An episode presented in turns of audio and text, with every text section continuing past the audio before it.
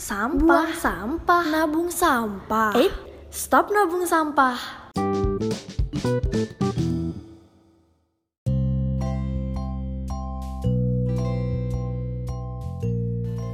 Sadar gak sih, tiap hari tuh kita nabung loh.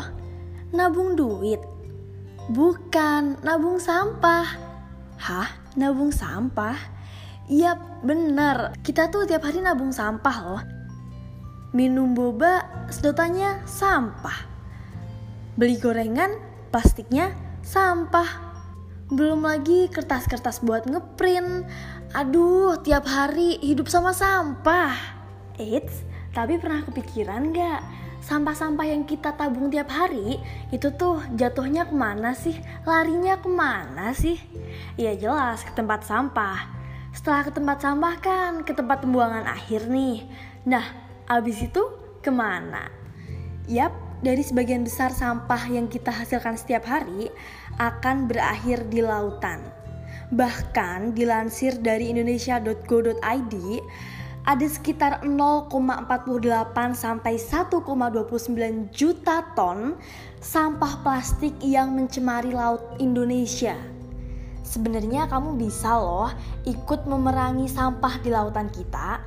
Yang paling gampang deh, kalau kamu suka belanja di minimarket atau supermarket, di toko, di pasar, di mall, coba mulai sekarang kamu bisa ganti plastik belanjamu dengan tas yang gak sekali pakai. Jadi hitung-hitung kamu gak nabung sampah karena dengan belanja berkali-kali dengan menggunakan satu tas yang sama itu artinya gak nambah sampah di lautan kita.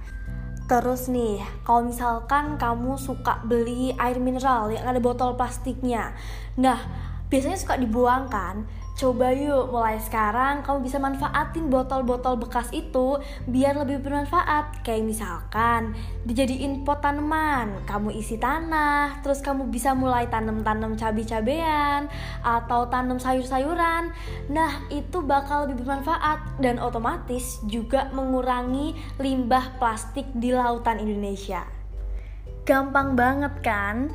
Karena emang sadar gak sadar kita semua tuh bisa kok jadi pahlawan buat lingkungan.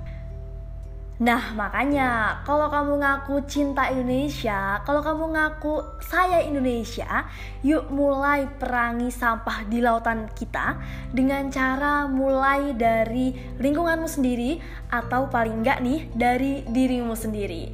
Yuk semangat perangi sampah plastik di lautan kita.